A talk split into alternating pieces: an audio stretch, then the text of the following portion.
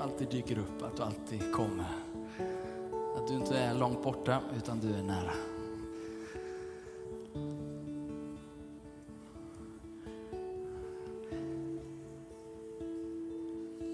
Kan vi förenas i, i Herrens bön tillsammans och be ut Fader vår, i vår längtan att få möta en helig Gud, att se hans rike komma, hans vilja ske. Att vi förtröstar på honom för vårt dagliga bröd, att vi bekänner våra synder inför honom och står emot frestelserna och igenkänner att hans äran, makten och härligheten. Så vi ber tillsammans. Fader vår som är i himmelen. Helgat vare ditt namn. Tillkommer ditt rike och sker din vilja så som i himmelen, så och på jorden. Vårt dagliga bröd giv oss idag och förlåt oss våra skulder så som och vi förlåta dem oss skyldiga äro. Och inled oss icke i frestelse utan fräls oss ifrån ondo. Ty riket är ditt och makten och härligheten i evighet. Amen. Amen. Låt oss prisa honom för det. Hans är riket och makten och härligheten, förstår du. Han sitter på tronen idag och han är uppstånden från de döda och allt möjligt är möjligt. Allt omöjligt är möjligt. Vårt hopp är byggt på det, att han uppstod från de döda. Och därför betyder det att det finns inga döda omständigheter, det finns inga omständigheter som kan hålla oss tillbaka, för han övervann allt det där. Halleluja, som en sann norsk pinsväxt skulle sagt. Prisa Gud, varsågod och sitt ner. Och välkomna till Citykyrkan den här förmiddagen och särskilt om du är här för första gången eller på besök så varmt välkommen i den här gemenskapen. Eh, vi, vi, eh, vi älskar att tillbe Gud, vi älskar att vara inför honom. Eh, och medan de går ner här så kan vi passa på att uppmuntra våra lovsångare också.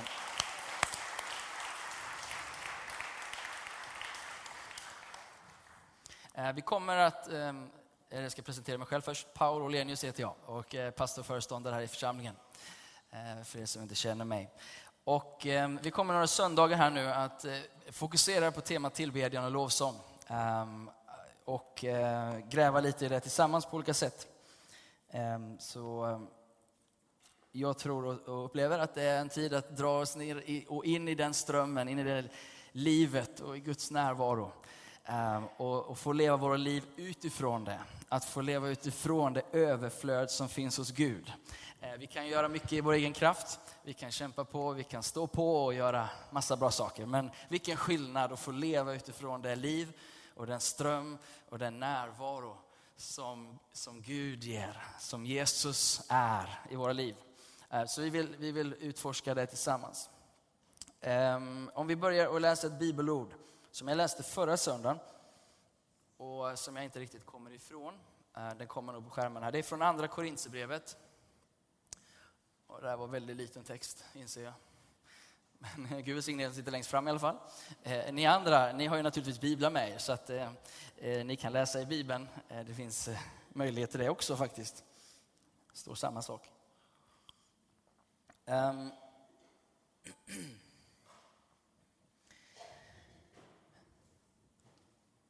Andra Korinthierbrevet kapitel 3, vers 13 står det där då, och framåt. Eh, vi gör inte som Mose eh, som satte en slöja för sitt ansikte för att Israels barn inte skulle se hur det som bleknade försvann. Men deras sinnen blev förhärdade. Och än idag är samma slöja kvar när de läser det gamla förbundets skrifter. Och den lyfts inte bort. Först i Kristus försvinner den.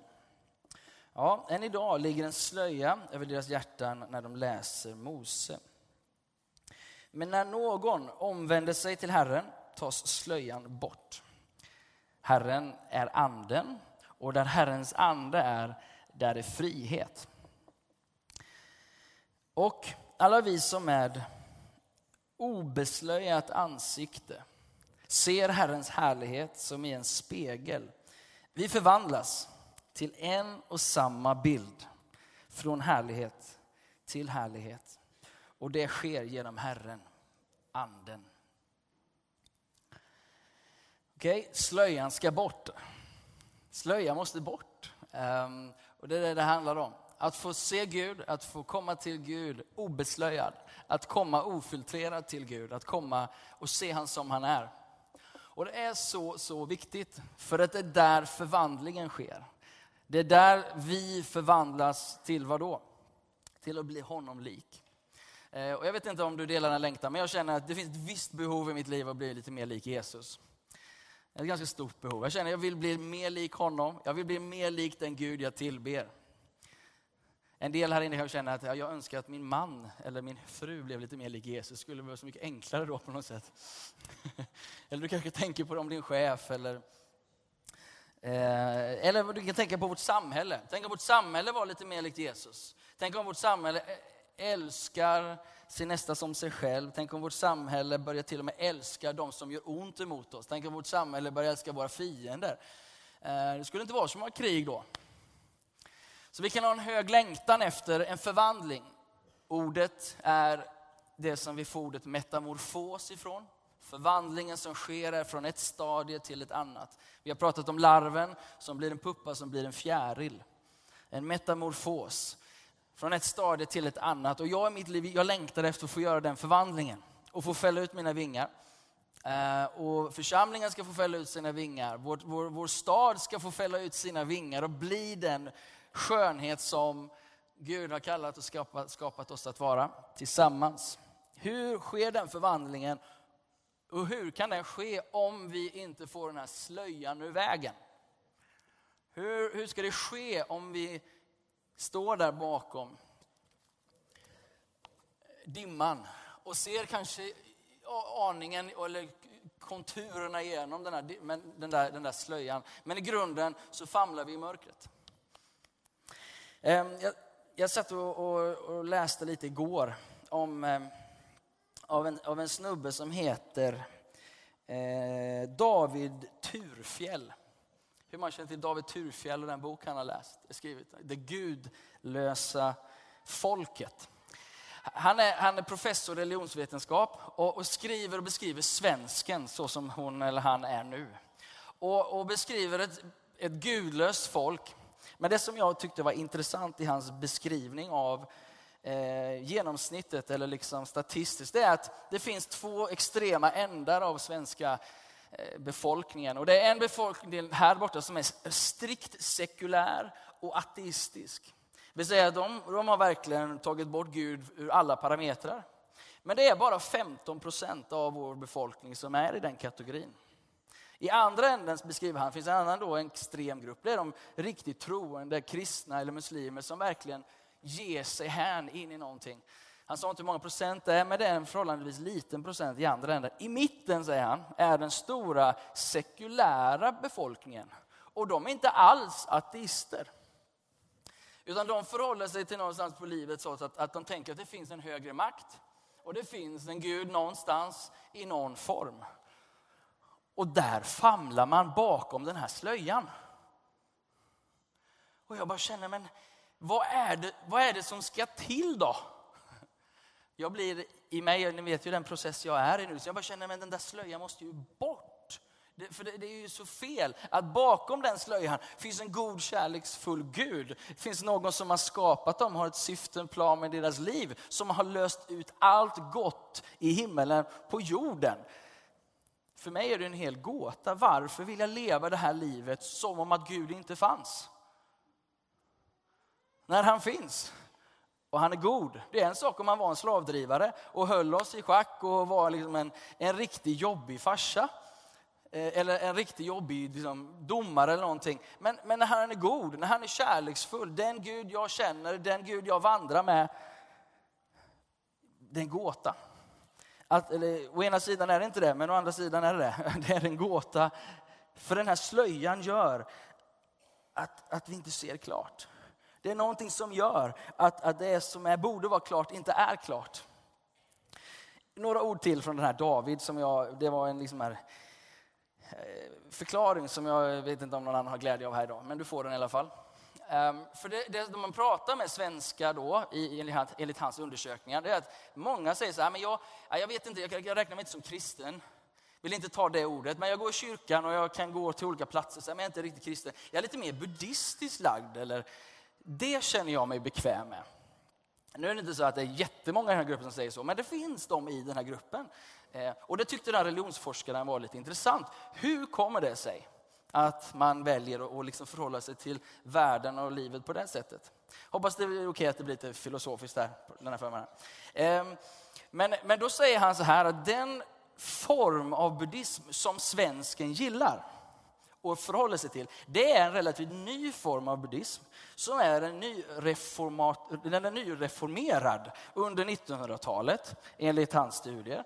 Och, och, då är det så att när, när kristna protestantiska missionärer mötte buddhismen i, i Asien, då började så många lämna buddhismen in i protestantism och kristendom istället.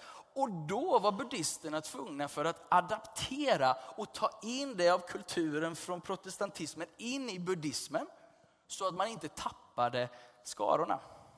Då utvecklas en form av buddhism som kallas enligt den här David för, ska vi se om jag klarar att säga det här, men buddhistisk protestantism. Så det svenskar idag, lite vitt ut, brett ut, liksom känner igen sig med är en buddhistisk protestantism. Och det han säger, inte jag, det han säger är att det man känner igen är det man relaterar till från sin kultur. Va?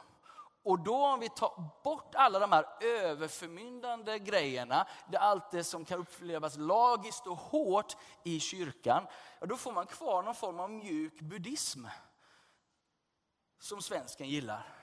För det är hennes arv. Och i den här tiden, när det är okej okay att söka Gud eller mer andlighet, så är det det många far och jagar efter. Jag blev uppmuntrad av det, jag vet inte om du känner det. Men jag kände så här, det är ju fantastiskt att svensken börjar söka Gud igen. Eller? Att det börjar finnas en öppenhet för att göra en resa. Att få börja ställa sig frågorna. För en sak är säker, skulle man presentera den buddhism som i sin ursprungsversion kom, så skulle svensken inte köpa det.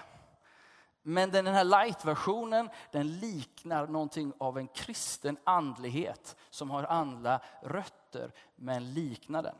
Du får pröva det och om det verkligen är sant, det får lite stå för hand. Det jag känner så här, i den slöja som ligger över vårt folk, över människor, över mig ibland, det är den. Hur kommer vi ifrån den? Hur skiftar det? Hur lyfter den? Och i den här texten så står det att någonting händer när vi vänder oss till Herren. När vi vänder oss till Herren, då rycks, försvinner slöjan. Um, skulle jag eh, kunna få den här härliga skärmen som jag använder ibland? Um,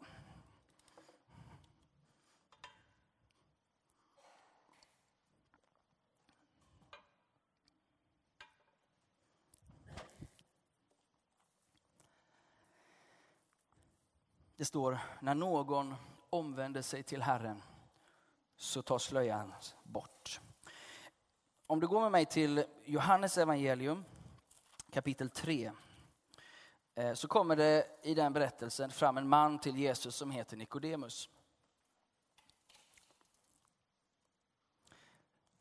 Tack gubbar kapitel 3 så står det så här. Bland fariseerna fanns en man som hette Nikodemus, en av judarnas rådsherrar. Han kom till Jesus en natt och säger, Rabbi, vi vet att du är en lärare som kommer från Gud. Ingen kan göra de tecken som du gör som om inte Gud är med honom.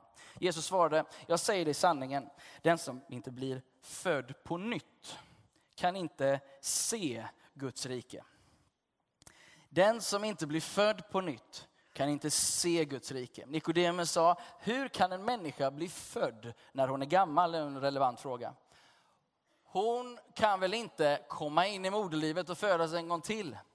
Jesus svarar, jag säger det sanningen, den som inte är född av vatten och ande kan inte komma in i Guds rike. Och, den, och det som är fött av köttet är kött. Och det som är fött av ande är ande.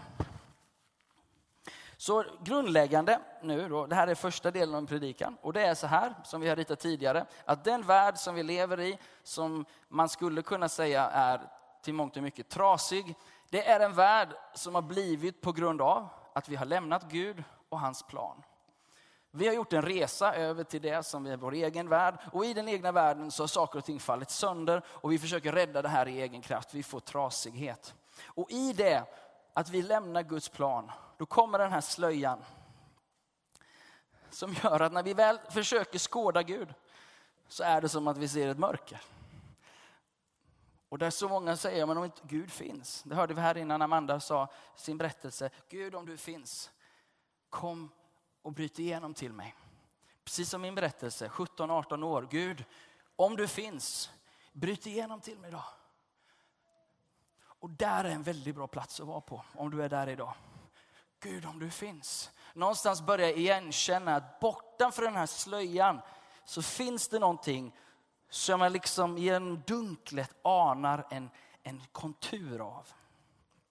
Hur ska du få börja se och uppfatta Guds godhet och hans plan? Jesus är svaret. Jesus säger att den som inte blir född på nytt, den som inte blir född av anden kan inte se den andliga verkligheten här. Kan inte uppfatta Guds osynliga egenskaper. Så Gud, trots att vi här borta lever vårt liv för oss själva utan Gud. I en trasig värld och vi gör dumt mot varandra, vi syndar och vi bryter ner det Gud har skapat. Så älskar Gud oss där. Så mycket att han sänder sin son till att dö på ett kors. Och i och med döden och uppståndelsen så föder han människan på nytt. Och genom att vända sig till Jesus och tro på honom. Genom att omvända sig till Herren och säga istället för att jag ska lösa det här själv så går jag till dig. Istället för att försöka matcha Guds plan själv så går jag till dig. Istället för att tro på min egen förmåga blint här borta så går jag till dig.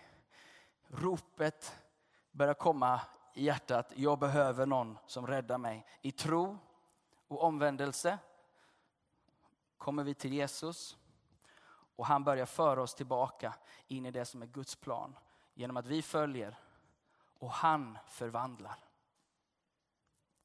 Och det som idag är ett larvstadie i våra liv, det kan få börja förvandlas och få bli ett fjärils Eh, en erfarenhet istället. Och det som sen handlar om att vi går tillbaka till en trasig värld och förklarar för den här världen och säger till den här världen det finns hopp för varje människa. Grundläggande så kan vi inte se Guds rike om vi inte är födda på nytt. Det vill säga att vi har vänt oss till Herren och säger Gud, ge mig nytt andligt liv. Förlåt mig att jag har gått min egen väg. Förlåt mig, rädda mig, hjälp mig, lyft mig, fräls mig.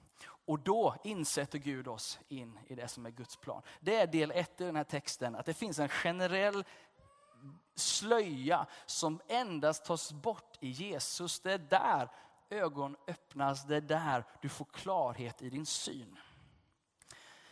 Så har du inte gjort det, så har du möjlighet att vända dig till honom idag. Om du inte har gjort det så har du möjlighet att precis som Nikodemus söka upp Jesus och säga, hur är du fattig egentligen?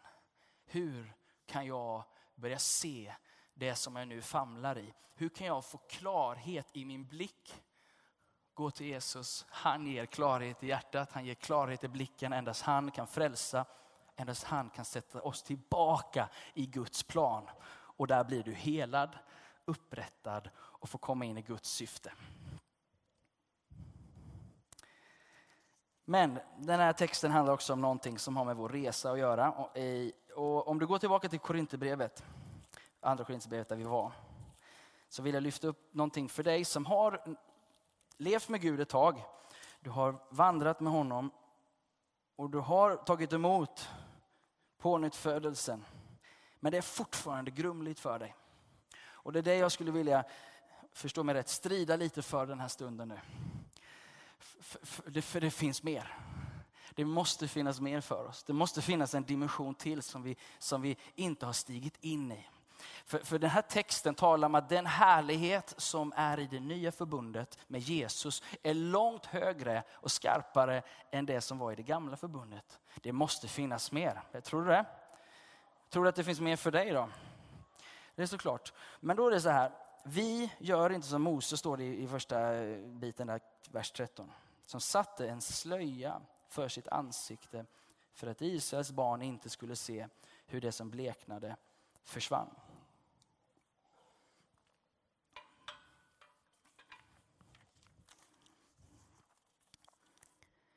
Vad är det som har hänt i Mose liv?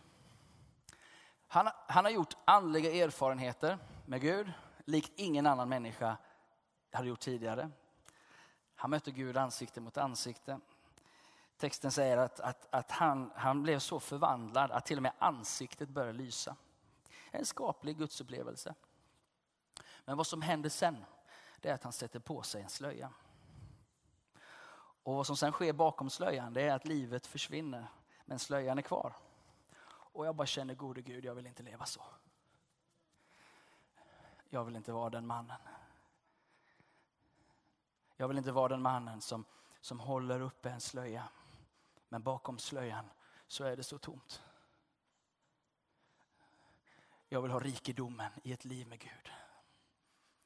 Så som jag haft det, så vill jag ha det och ännu mer. Jag vill inte sluta vara på mitt ansikte i min ensamhet. Jag vill inte sluta jubla inför hans ansikte i min ensamhet. Jag vill fortsätta och dansa som ett barn. Vet ni att jag gör det fortfarande? Dansar när jag tror att ingen ser mig eller hör mig. Det är som Paulus som säger att om jag var till sans så var jag det för människor, om var jag lite tokig, det var jag för Gud. Men jag har mina stunder med Gud. När han rör mig så djupt och märker mig och jag vill vara kvar där. Jag vill inte leva bakom en slöja. Jag vill inte bygga upp för vad som händer, vad religiösa mönster är. Det är när religiösa mönster, det är det vi, vi på något sätt bygger upp under en tid Gud möter oss. Och sen försvinner det där som Gud har mött oss med och så står vi där med vårt skal kvar. Och tyvärr är det så kyrkan och vi ofta gör. Och så gör vi också på vår egen lilla vandring. Att vi någonstans håller uppe det där som en gång var och så pratar vi om det. Och det är inget fel med att minnas att Gud har varit god. Men det finns ett levande dagligt bröd för oss. Det finns en levande plats för dig och honom. Det finns en längtan från Faderns hjärtan att få vara med dig. Hans hjärta längtar efter dem som vill tillbe honom i ande och sanning. Han längtar efter dem som obeslöjat vill våga komma inför honom. Det finns en, en favoritlovsång som jag har just nu. Och när jag, när, jag, när jag kör den låten tillsammans med Jesus, då skakar mitt inre. För det är som att jag, liksom, jag, jag vet inte vad jag känner för någonting, men det är som att det vibrerar på min insida. Just nu möter Gud mig där. Men jag vet också hur det är att både vara pastor och ledare och man och alltihopa utan att ha den platsen. Jag vet hur jag kan fungera ändå. Fungera. Men tänk om vi kunde bryta det där skalet. Även när vi är så här många tillsammans. Tänk om vi fick lite fler som bara bröt ihop på golvet om du förstår mig rätt. Inte för att det i sig, men liksom resan av att någonstans släppa taget, någonstans släppa kontrollen, någonstans ge sig hän. Gör det hemma i det fördolda först och främst, men, men även i den här gemenskapen. Våga ha en sårbarhet, våga ha ett en, en ärligt ofiltrerat möte med Gud. För det är någonting som händer i gemenskapen. Det är någonting som händer när vi är två, tre samlade. Kungen är speciellt närvarande. Han gör någonting i den här gemenskapen där vi är tillsammans som han inte gör i din ensamhet. Varför? Därför att Gud har alltid tänkt det, att vi ska vara beroende av varandra. Han har inte tänkt någon ensamkör i detta. Han har inte tänkt en... Eh, Mose, det var för en tid. Mose är död. Hör du? Mose är död. Det gamla förbundet är dött. Det gamla är föråldrat, förlegat och sämre. Det nya förbundet, då är det inte en profet, det är inte en man med mick, utan det är ett folk som bär en bild av vem Gud är. Och som väljer att tillbe honom. Som väljer att lovsjunga honom genom allt, om han tar allt ifrån mig, om han fullständigt blottlägger mig, att ändå få tillhöra honom, att ändå få tillbe honom. Då vet jag att allt det andra kommer lägga sig på plats. Löftet är, sök först Guds rike så ska du få allt det andra. Apostlagärningarna kapitel 2. Jag nämnde sa det att det här är ett folk som bär förmånen att få, få, få, få möta och förstå vad Gud gör. När pingstdagen är inne, eh, de 120 är samlade. Och är du inte riktigt med mig i alla bibeltexter här nu, om du är lite inte läst Bibeln så mycket, så ber jag ändå att Gud ska tala till dig genom alla, alla ord som strömmar ut här. Um, det händer någonting på den här pingstdagen. Jesus har sagt att ni ska få bli ett folk som är bärare av min närvaro. Ni ska inte bara följa genom lagar och regler, utan ni ska få en, en, en, en, ett personlig, en personlig hjälpare, en personlig ledare. Den heliga ande ska komma över er. Och det här är när det här kommer, när den heliga ande, det sker ett skifte nämligen, att Jesus lämnar jorden och Guds ande tidsålder börjar. Och så här ter sig det då. Att de ifrån vers 15 får förklara sig lite grann. Petrus är detta, han säger det är inte som ni tror att de är berusade. Vilket party! Vad roligt de hade. Eller? Jag har inte varit en, en riktig partynisse i mitt liv, men jag vet en sak, att när man dricker så gör man det för att ha kul. Eller? Ja, de hade roligt. Det, du, så var det. Och dessutom så var klockan 12 på morgonen eller förmiddagen eller mitt på dagen. Men det som sker nu säger Joel så här, det ska ske de sista dagarna säger Gud, att jag utgjuter av min ande över allt kött. Det betyder alla människor. Era söner och döttrar ska profetera. Era unga ska se syner och era gamla ska ha drömmar. Ja, över mina tjänare och tjänarinnor ska jag i de dagarna utgjuta av min ande och de ska profetera hela bunten hela gänget. Hela klabbet.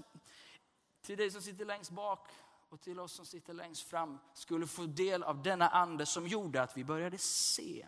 Att profetera betyder att, att tala ut det Gud gör och det Gud ser, det Gud säger. Där vi, vi, vi, vi förstår vad han håller på med. Vi förstår vad han rör sig och vad han gör. Och det här är ett folk det är inte en Mose, utan det är ett folk som bär den förmågan att urskilja vad Gud gör i nuet. Och det är det som vi är satta att få vara med om. Men om vi nu bara tar lite till om Mose, jag ska försöka avsluta här strax. Eh, Mose var nämligen en sån som hade rört sig med Gud, han hade haft ett liv med Gud och så hände någonting bakom slöjan. Om du går till fjärde Mosebok, precis, Eh, du var nog rätt eller bilden innan. Fjärde Mosebok kapitel 20 och vers 6. Nu har Mose vandrat ett långt liv med Herren. Precis som många här i det här rummet. Och Gud har talat många gånger till Mose, gett honom tydliga instruktioner om huruvida han ska göra saker och ting. Och då så står det nu här då att men Mose och Aron gick bort från församlingen till uppenbarelsetältets ingång och föll ner på sina ansikten. Då visade sig Herrens härlighet för dem och Herren talade till Mose och säger, ta staven och kalla samman menigheten, du och din bror Aron. Och tala till klippan inför deras ögon. Och den ska ge vatten. Tala till klippan, så ska den ge vatten. Så skaffar du fram vatten åt dem och klippan och ger menigheten och dess boskap att dricka och så vidare. Då tog Mose staven som låg inför Herrens ansikte, så som han hade befallt honom. Och Mose och Aron kallade samman församlingen framför klippan och sa till dem, lyssna ni upprorska, kan vi ur denna klippa skaffa fram vatten åt er? Sen lyfte Mose upp sin hand och slog med staven två gånger på klippan. Och hur mycket vatten och mycket vatten kom ut så att menigheten och boskap fick dricka. Men Herren sa till Mose och Aron, eftersom ni inte litade på mig och inte höll mig helig inför Israels barns ögon, därför ska ni inte få föra denna församling in i det land som jag har givit dem. Hej hej tjejer. Jag förstår, det här är så bra så ni kommer och vill lyssna.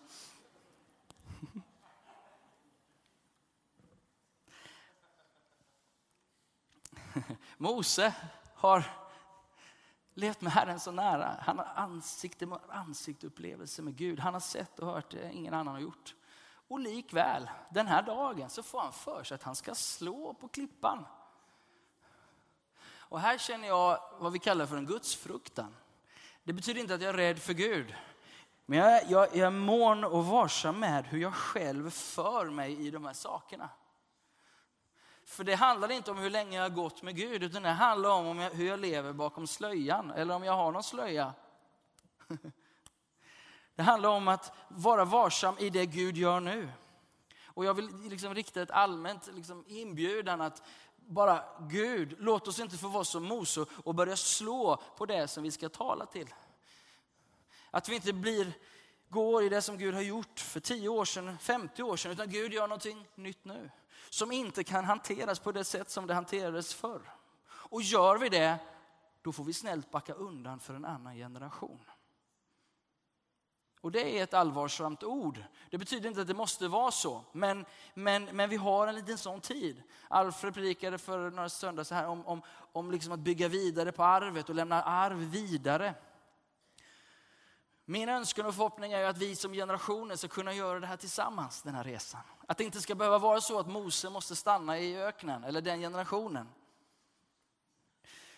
Och jag har ett rop till Gud här. Jag har en, en, en jag känner bara Gud, låt mig själv vara på platsen där jag inte tar det för givet, där jag inte räknar med det som jag har varit med om som gott nog för det som ska komma. Låt mig få vara en plats av förnyelse och förädling. Låt mig få bli mer lik Jesus än jag någonsin varit. Genomlys mig, genomskär mig, genomsyra mig. Gud, jag behöver dig. Jag inser mina tendenser, jag inser mitt kött, jag inser att jag är farlig, jag inser att jag är man, jag inser att jag inte klarar av det. Men Gud, Kom och genomlys mig. Jag slänger mig på dig. Ta slöjan bort ifrån mig. Ifrån den här församlingen. Låt oss se. Låt oss bli klara. Låt oss få profetisk syn igen. Allvarsamma Amen. Allvarsamma tider som kräver en ödmjukhet. Så att vi inte börjar slå på det som är vår räddning. För det är det som händer Denna, denna klippa, vem symboliserar klippan? Jesus är klippan. Och därför var det så allvarligt. Vi slår inte på Jesus en andra gång. Och vi som har varit med ett tag, vi som har fått mycket, kommer också göra räkenskap för mycket. Det finns människor som kommer in i Guds rike nu. Och det är fara värt att de springer förbi oss. Det är människor som tar beslut nu, den här veckan, om att följa Jesus. Och det är fara värt att det blir de som blir en generation som tar det.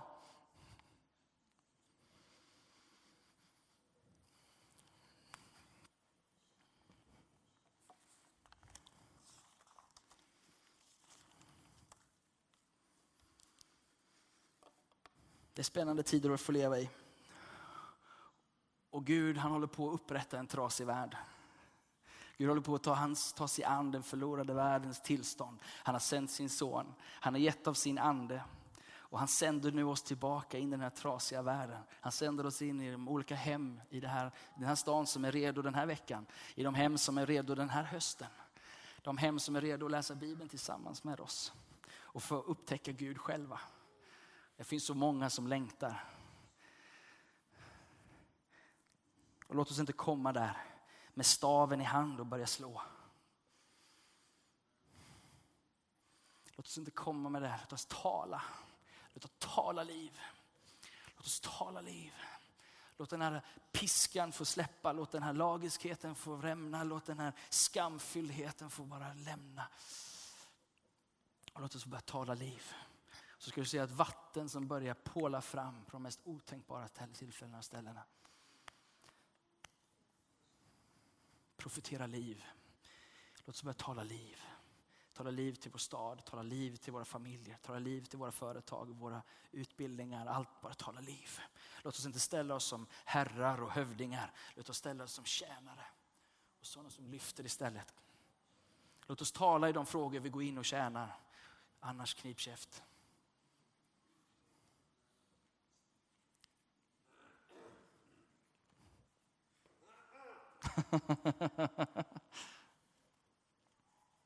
Ha?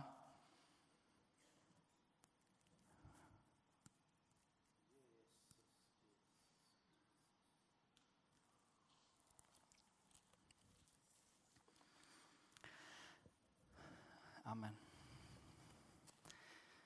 Lovsångarna vill ni komma. Jag har en bön hörni, som jag skulle um, ge möjlighet för dig. Två böner är det. Att be tillsammans med mig. Och jag vet inte om du är van att be eller inte. Men du har säkert suckat till Gud någon gång. Och den första bönen är, är för dig som som kanske inte har riktigt konkret bett till, till Jesus. Om att få det här livet, om att få bli hans, att få bli del av Guds rike, att få lyfta den här första slöjan som jag pratade om. Den här blindheten så att Gud inte bara blir en, en högre makt som eventuellt finns. Eller troligt, troligen finns, men att den högre makten får bli pappa Gud för dig den far som älskar dig. Till syvende och sist så är vi bara barn till en och samma far. Till syvende och sist så är vi bara barn. Och får bara igenkänna det barnaskapet till vår far i himmelen. Det kan du få göra idag. Och be den här bönen alldeles strax. Den lyder så här, Herre Jesus. Jag kommer till dig, han skrivit fel. Jag kommer till dig idag och min bön är Föd mitt inre på nytt till nytt andligt liv så jag kan se och uppleva Guds godhet och kärlek. Förlåt mig att jag gått min egen väg. Jesus, för mig hem till pappa Gud igen.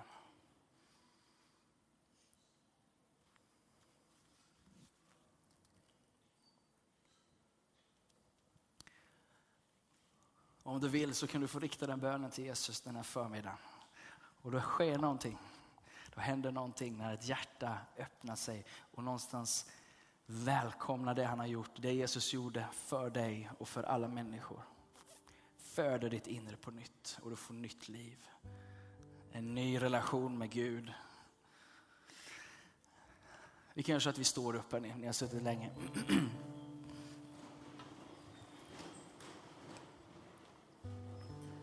Låt, om vi låter den här bönen vara kvar så, så skulle jag vilja att vi bad ut den högst, högt allihopa. Och det vill du nu be den bönen så kan du få göra det, kanske för första gången och bara rikta den till Jesus. Vi ber tillsammans. Herre Jesus, jag kommer till dig idag och min bön är Föd mitt inre på nytt till nytt andligt liv så jag kan se och uppleva Guds godhet och kärlek. Förlåt mig att jag har gått min egen väg Jesus, för mig hem till pappa Gud igen. Amen. Halleluja. Far, jag ber för, för den som, som, som bad den bönen för första gången. Att du kommer med din godhet och med din kärlek och överflödar de personerna just nu. Tack att vi som medsyskon också får ställa oss tillsammans med dem som längtar efter dig och gå en vandring med dem och få vara med och träna dem till lärjungar. Om du bad den bönen för första gången idag så skulle jag vilja, om du vill, eh, ta några steg tillsammans med dig. Vi har förebedjare och de som är redo att, att hjälpa dig att ta första stegen. Eller så säger du till din kompis som du kommer att eh, du, idag så bestämde jag mig för att ta emot Jesus. Så vi får följa, följa upp dig och hjälpa dig och stötta dig. Um, men det är en bön till här och det här riktar sig till dig som har gått med Gud eller bara känner att jag behöver få den här slöjan lyft av mig. Som, som vill tillbe Gud med obeslöjat ansikte, som vill se honom för den han är.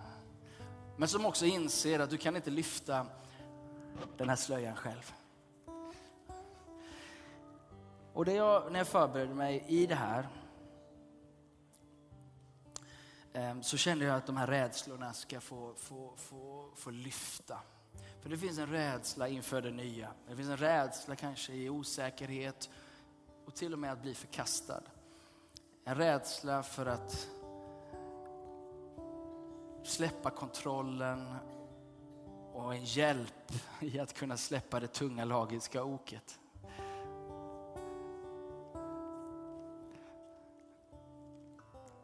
Så det här är en, en bekännelsebön av, av rop till Gud. Uh, att få gå in i det nya tillsammans med honom. Att få det här inre livet med honom. Att slöjan ska rämna i Jesu namn. Kan vi be tillsammans så gör vi det nu. Jag vänder mig till dig Gud och vill tillbe dig med ett obeslöjat ansikte. Vi läser från början, läs som du vill det här nu då. Jag vänder mig till dig Gud och vill tillbe dig med ett obeslöjat ansikte. Jag vill se dig himmelske far, men jag inser att jag inte kan ta bort slöjan själv. Herre, möt mig i min rädsla för det nya.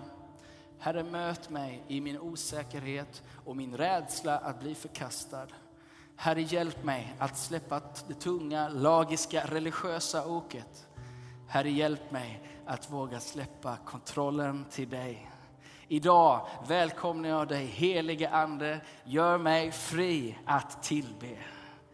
I Jesu namn. Amen.